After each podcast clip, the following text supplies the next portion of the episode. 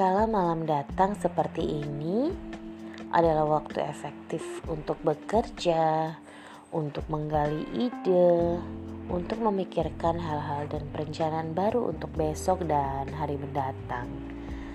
Entahlah, kalau malam begini entah karena anak-anak udah tidur atau karena memang suasana dan kondisi sedang kondusif bisa jadi karena kebiasaan zaman kuliah dulu nih. Kala malam ngerjain suatu deadline untuk dikumpulkan besok. Jadi semua ide rasanya tergali, rasanya kepepet sesuatu dan otomatis muncul. Jadi kalau malam jelang midnight gitu sebelum jam 12 atau mulai jam 10 malam rasanya justru ide-ide di kepala ber munculan ya sebelum ide hilang ya langsung dieksekusi atau setidaknya dicatat dulu lah. Entahlah kalau jam malam begini rasanya lebih pintar daripada jam siang.